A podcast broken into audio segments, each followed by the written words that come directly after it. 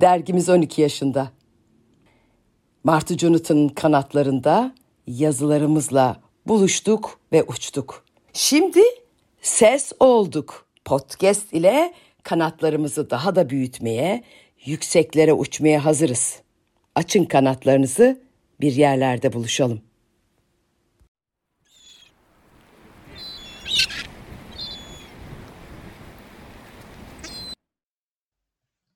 Katilin Doğuşu Yazan Turhan Yıldırım Seslendiren Büşra Durmuş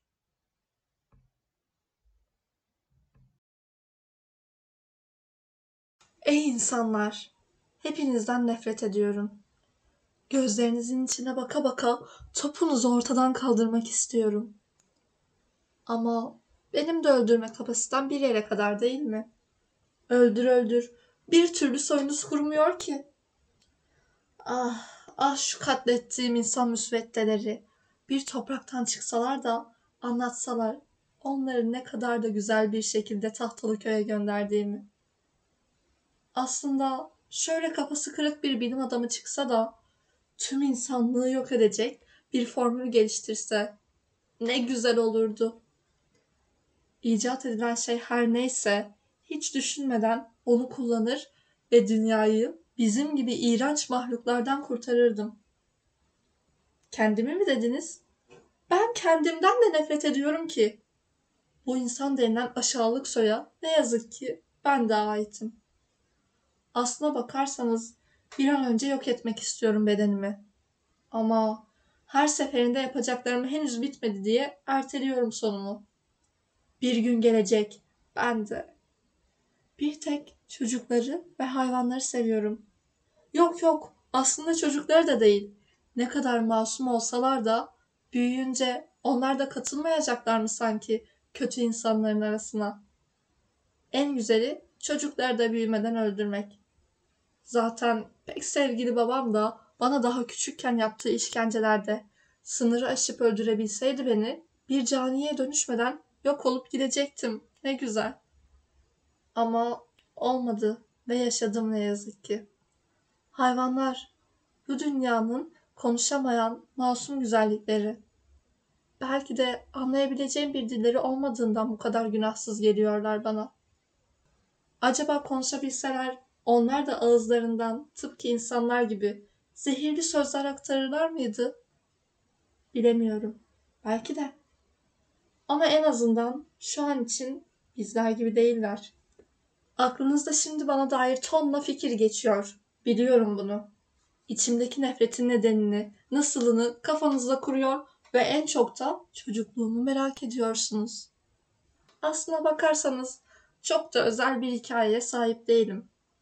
Benim geçirdiklerimin belki daha beterlerini başkaları dünyanın çeşitli köşelerinde yaşıyor.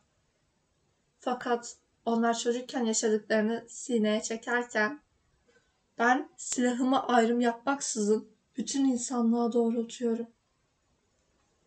Babam denilen mahluk kazandığı üç kuruş parayı alkolle kumara yatırırdı. Oyunda kaybedince de hıncını önce annemden, daha sonra da ben ve kardeşlerimden çıkarırdı. Fakat yüzümde kendisine ait cani bakışı gördüğümden mi bilinmez, bana karşı uyguladığı şiddetin boyutu dayanılmaz bir noktaya ulaşırdı. Saatlerce dinlene dinlene kemeriyle dönmekten tutun da vücudumun çeşitli noktalarında sigara söndürmeye kadar bir mum iğrenç işkenceler uygulardı. Ölmeyi çok isterdim. Fakat bunu öyle bir kararında yapardı ki bir türlü kurtulamazdım bu hayattan. Annem bazı zamanlar dayanamaz ve araya girerek şiddetin kendine yönlenmesini sağlardı.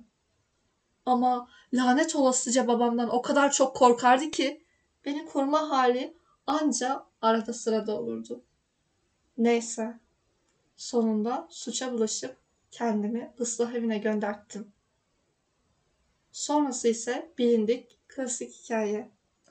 Orada yaşadıklarım beni daha da güçlendirip insanlığa olan nefretimi kat be kat arttırdı. Öfkem belki genele yayılmıştı ama yine de bu işin ana kaynağı olan pek muhterem babamı da es geçmeyi düşünmüyordum. Islah evinden çıkar çıkmaz ilk iş eve gittim. Annem ve kardeşlerime hasret giderme anlarından sonra gece yarısına doğru babam geldi. Beni karşısında görünce kısa süreli bir şaşkınlık anı yaşadı. Vücudumdaki fiziksel değişim ve gözlerimden fışkıran canice bakışlar onu korkutmuştu. Ama bunu da belli etmemeye çalışıyordu. Kısa bir süre bakıştıktan sonra yüzüne doğru vurduğum yumrukla onu yere devirdim. Hiç beklemeden. Bedenine acımasızca ardı ardına tekmeler savurdum. Bunca yıldır gördüğü onca işkenceye rağmen annemin yapma oğlum o senin baban deyişi beni daha da çıldırttı. Onu odama taşıdım ve kimse giremesin diye kapının arkasına bir sürü şey yığdım. Kemerimi belimden çıkarıp ona vurmaya başladım. Sonrası ise kısasa kısas. O zamanında bana ne yaptıysa ben de aynı işkenceleri babama uyguladım. Arada bu kadar yeter artık öldür beni değişini istiyordum. Ama bu seslenişi duymazlıktan geliyordum. Gençtim belki ama onu öldürecek kadar da aptal değildim. Her ne kadar onu insan yerine koymasam da devlet baba bu pislik herifi adamdan sayıyordu. Ona ne kadar süre işkence ettim bilemiyorum. Adeta transa geçmiş gibiydim. Yıllarca babamın bize yaptığı eziyetleri, ailenin reisidir, döver de, sever de diyerek görmezden gelen sevgili komşularımız iş tersine dönünce yemeyip içmeyip ihbar ettiler beni. Ama polisler gelene kadar babamı öyle bir eziyet etmiştim ki yaşayan ölüden bir farkı kalmamıştı. Sonrası evden tutuklanarak götürülüşüm, cezaevi günleri ve mahkeme süreçleri. Hapishaneye girdiğimde babasına işkence eden bir manyak olarak diğerlerine de korkuyla karışık saygı uyandırmıştım. Gözlerimdeki insanlara karşı nefret, cezaevindeki yetenek avcısı abiler tarafından hemen keşfedildi. Ağzı sıkılılığım ve korkusuz yapım sayesinde dışarıdaki suç trafiğini yöneten ağır topların has adamı olma yolunda emin adımlarla ilerledim. Bu arada mahkeme sürecimde sonuçlanmıştı. Duruşmalardaki iyi halim ve hapishanede herhangi bir vukuata bulaşmamam sayesinde çok daha ağır bir ceza alacakken işlediğim suça göre nispeten kısa bir tutukluluk süresiyle sıyırmıştım paçayı. Cezam kesinleştikten sonra kalan süreyi de içerideki ilişkilerimi güçlendirerek ve dışarıdaki muhtemel hayatıma bir nevi yatırım yaparak geçirdim. Daha hapishanedeyken özgür olunca yapacağım iş bile belliydi. Kiralık katil olacaktım. Zaten benim gibi içinde insanlara karşı sınırsızca nefret besleyen birinin de yapabileceği en güzel meslek buydu. Değil mi? Yaşam hikayemi sizlere böyle anlatınca beni aklınızda kaba saba her kavgaya dalabilecek, kafası çalışmayan biri olarak hayal ettiniz. Bunu biliyorum. Ama kesinlikle böyle biri değilim. Belki sizleri şaşırtacak ama bolca kitap okur ve film izlerim. Giyimime, kuşamıma önem verir ve tam bir işinde gücünde adam profil çizerim. Çünkü insanları kandırmanın en güzel yolu asla kötülüğe bulaşmayacak bir insan görünümünde olmaktır. Yolda görseniz beni asla bu adam kiralık katildir diyemezsiniz. Ama ben bu işin erbabıyım. Hem de en afillisinden. Evet, ne diyordum? Çok okur ve izlerim. Neden mi? Çünkü yazar ve senarist takımı anca hayal eder. Ben ise onların düşlediklerini gerçeğe dönüştürürüm. Bol bol cinayet romanı okur ve suikast filmi izlerim. Bütün bunlar mesleğimi çok daha iyi şekilde yapmamı sağlıyor. Bu korkak yazarlar da olmasa ben ne yapardım değil mi? Ey insanlar, hepiniz birbirinizden nefret ediyorsunuz. Ama bunları ne birbirinize söyleyebiliyor ne de eyleme geçebiliyorsunuz. Tek yaptığınız birbirinizi öldürdüğünüzü hayal etmek ve harekete geçemeden boş boş konuşmak. Ben ise düşlerinizi gerçekleştiriyorum. Tabii ki ücreti mukabilinde. Birini öldürmek istiyorsanız adresiniz benim.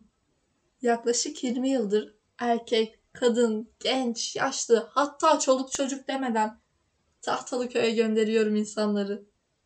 Yani karşınızda işinin üstadı ve bu alemin kana susamış tatsız kralı var. Sevgili iş sahiplerim, canına kıymam istediklerinizi çeşitli yöntemlerle ortadan kaldırabilirim. Siz yalnızca hayal edin. Ben düşlerinizi gerçeğe çeviririm. Son birkaç cinayetinde yeterince motive olamadığını fark etmişti.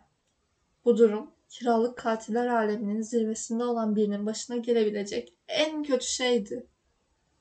Yıllardır hem karda yürüyüp izini belli etmemiş hem de ona sipariş edilen tüm işleri sorunsuz halletmişti.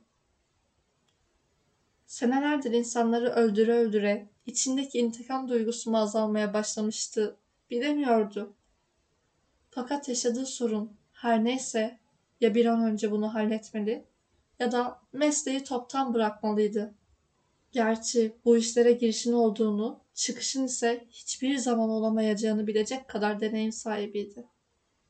Ama başarısızlık yaşayacağına bedeli her neyse ödemeye razıydı. Günlerdir ne yapacağını tıpkı bir kukumav kuşu gibi düşünüyordu. Senelerdir çok severek yaptığı mesleğini bırakma fikri beynine uyuyordu. Hayatının hiçbir döneminde tereddütte kalmak gibi bir olay yaşamamıştı. O her zaman kararını verir ve uygulardı. Bu kadar zamandır ölüm meleğini bile kıskandıracak istatistiğe sahip birinin yaptığı işe karşı soğukluk yaşaması da aslında hayatın garip bir cilvesiydi. Sen bunca sene insanların ancak hayallerinde gerçekleştirebildiği bir şeyi defalarca yap, sonra içine bir anda nifak tohumu girsin ve arafta kal. Yazık değil miydi onca yıllık emeğe? Yazıktı belki ama gelen son sipariş onda her şeyin netleşmesine sebep oldu. Sipariş verilen kişinin de canını alacak ve bir daha bu işlerden elini eteğini çekecekti. Zaman kendi arasına kovalamacı oynadı ve beklenen gün sonunda gelip çattı. Bugün kendisine ölüm ihalesini veren kodaman adamıyla detayları konuşmak üzere buluşacaktı. Her zamanki gibi son derece şık giyindi. Arabasına binip ona bildirilen adrese doğru yola koyuldu. Bu büyük şehir belki de her anını kaosu bünyesinde barındırıyordu. Fakat bugüne özgü bir gariplik vardı. Kentin araç trafiği her zaman yoğun olan ana caddesinden gidiyordu belki ama şu an normalin dışında bir kalabalık söz konusuydu. Araçlar tabiri caizse adım adım ilerliyorlardı. Önce yolda büyük bir trafik kazası mı var diye düşündü. Fakat ilerledikçe durumun hiç de öyle olmadığını fark etti. Metro çıkışından akın akın gelen yığınla insan otobüs durağının önüne dökülmüş ve üç şeritlik yol bire inmişti. Durağın dört yol ağzında olması da trafikteki yoğunluğu daha fazla arttırmıştı. İnsanların akın akın durağa gelişine bir anlam veremese de bu kaotik ortam onu iştahlandırmıştı. Akmayan trafik, yola taşan insanlar, öfkeyle ardı ardına kornaya basan şoförler ve bu durumu kenardan şaşkınlıkla izleyenler. Bir an için arabanın camını açıp durakta bekleyenlere iki üç el sıkmak istedi. Bunu şimdi yapsaydı eğer ortamdaki kargaşa hali arşı alaya çıkar ve büyük bir gürültü kopardı kaosun başkentinde. Ama aklından geçeni yapmadı. Bu harikulade fikri tüm çekiciliğine rağmen hızlıca kafasından kovdu. Ne de olsa onun yapması gereken iş başkaydı. Bir süre sonra dört yol ağzını geçti ve onu buluşmaya götürecek sokağa saptı. Yolun hemen bitiminde yer alan 27 katlı devasa rezidansın kapalı otoparkına arabasını bıraktı. Fakat merakını yenemeyip biraz önceki kargaşanın nedenini otoparktaki görevlinin yanına gidip sordu. Eğerse genç bir kadın kendini tren raylarına atıp intihar etmiş ve bu olayın yaşandığı metro istasyonuyla dört yol ağzında bulunan durak arasında seferler yapılamıyormuş. Duraklar arasındaki ulaşım ücretsiz olarak otobüslerle yapılmaya kalkınca da trafik birbirine girmiş. Böyle bir şeyin yaşanabileceği aklının ucundan bile geçmemişti.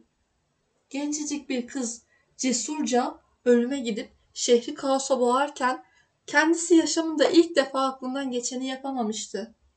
Hayatı boyunca hayal ettiklerini gerçekleştiremeyen insanlarla dalga geçerken şimdi kendisi bu duruma düşmüştü. Cesaretim azalmıştı yoksa insanları öldürme isteğimi kökünden kırılmıştı bilemiyordu. Ama her neyse onu yapmak istediğinden uzaklaştırmıştı. Bu karma karışık düşüncelerle rezidansın kapısına kadar gitti. Tam içeri girecekti ki sanki arabada bir şey unutmuş gibi aceleyle geriye döndü ve hızlıca yürümeye başladı. Sokağı bitirip dört yol ağzına geldikten sonra otobüs durağının bulunduğu tarafa geçti. İnsan yığını bıraktığı gibiydi. Metro çıkışından akın akın insanlar gelmeye devam ediyordu. Belinden silahını çıkarıp hiç tereddüt etmeden ardı ardına ateşlemeye başladı. Önce şiş göbek bir adam yere düştü. Sonra çocuklu bir kadın, yaşlı bir adam, genç bir kız ve şarjörde son bir mermi kaldı. Bugüne kadar yaptığı gibi hiç tanımadığı insanları mı öldürmek daha kolaydı?